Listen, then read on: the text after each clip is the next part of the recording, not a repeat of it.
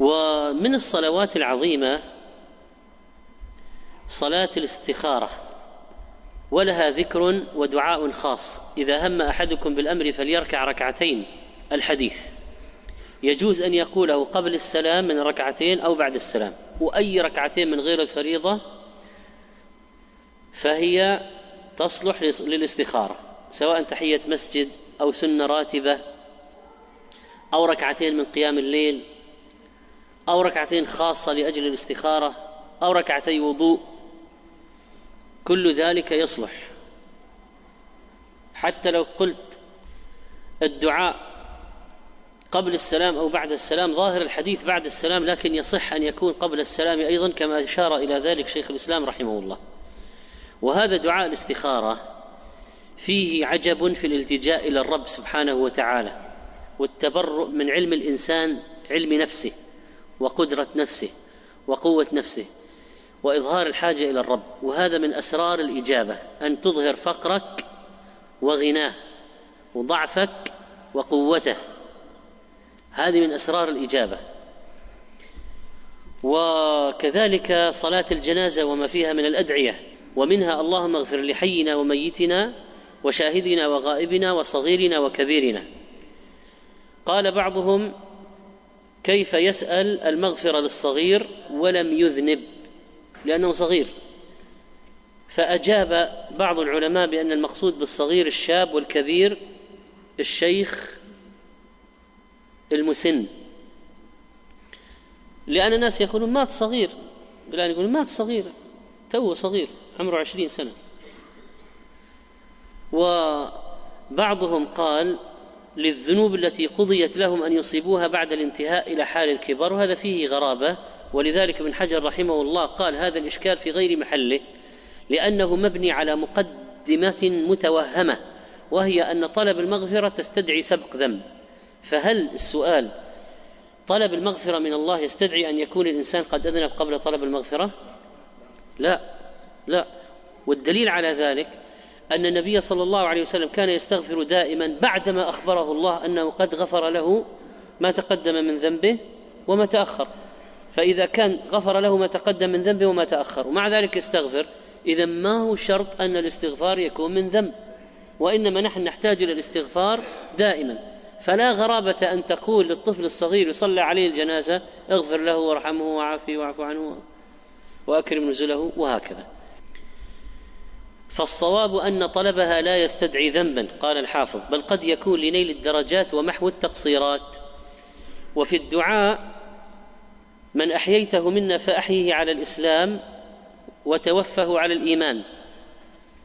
ففرق بين الحياة والموت لأن الإسلام هو التمسك بالأركان الظاهرية وهذا لا يتأتى إلا في حال الحياة.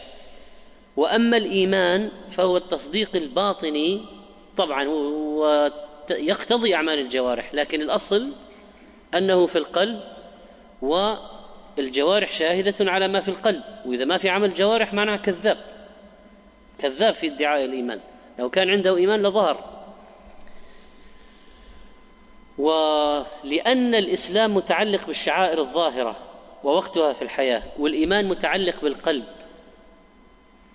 وهذا المناسب لحال الموت فإن الإنسان إذا نزل الموت العبرة بما في قلبه. أما الآن هو لا آه، يقوم ويصلي خلاص هذا موت قد حضر.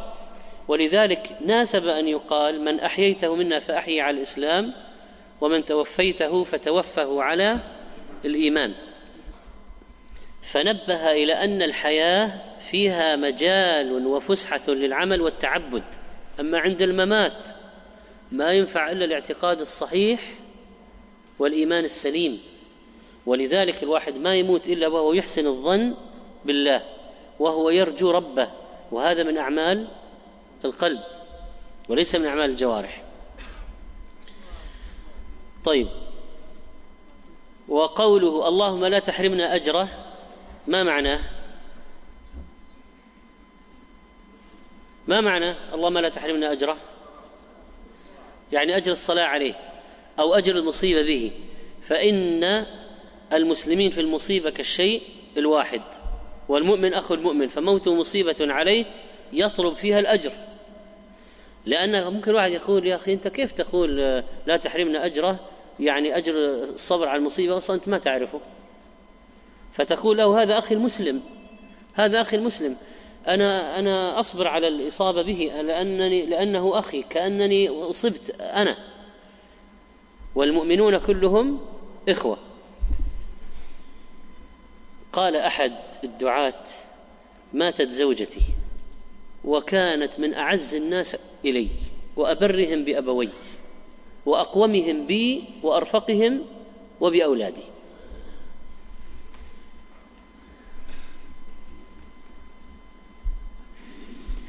يقول فلما ذهبت مع أولادي أولادي صغار إلى المقبرة بعد الدفن وقلت وأولاده طبعا يحبون أمهم جدا يقول قلت اللهم أجرني في مصيبتي واخلف لي خيرا منها. يقول الولد على طول قفز قال بابا خيرا منها يعني خيرا من مين؟ قال قلت له خيرا من المصيبة.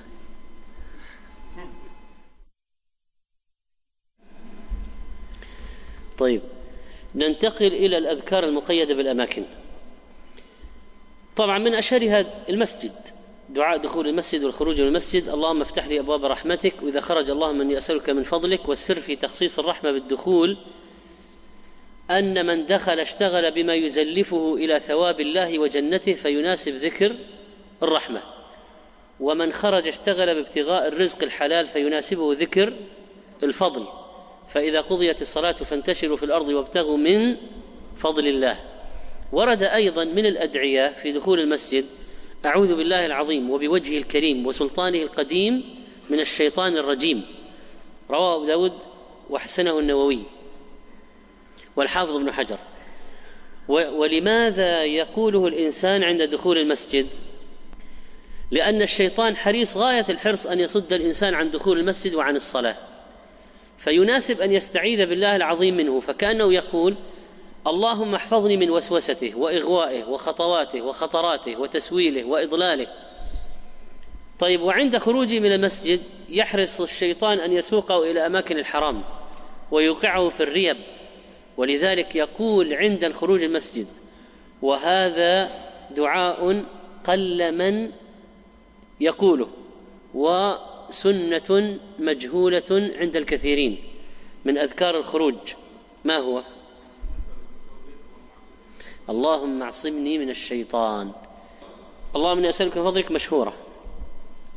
أما اللهم اعصمني من الشيطان فهو دعاء ثابت قد رواه أبو داود وحسنه الحافظ في نتائج الأفكار أيضا عند الخروج من المسجد يقول اللهم اعصمني من الشيطان. ومن استعاذ بالله من الشيطان عند دخوله لأنه يوسوس لك حتى في المسجد. وعند خروجه لأنه يسوقه إلى الأماكن المحرمة. ما هي النتيجة؟ حفظ منه. بل قد ورد في الصلاة. ماذا ورد في الصلاة؟ إذا وسوس إليك الشيطان فاستعذ بالله منه أثناء الصلاة. كما في حديث عثمان بن أبي العاص أنه أتى النبي صلى الله عليه وسلم فقال يا رسول الله إن الشيطان قد حال بيني وبين صلاتي وقراءتي يلبسها علي. فقال رسول الله صلى الله عليه وسلم ذاك شيطان يقال له خنزب بفتحتين أو كسرتين أو ضمتين. خنزب خنزب خنزب. قال ذاك شيطان يقال له خنزب فإذا أحسسته فتعوذ بالله منه. وادفل عن يسارك. قال ففعلت ذلك فاذهبه الله عني. رواه مسلم. طيب ما هي الحكمة من وراء التفل عن اليسار؟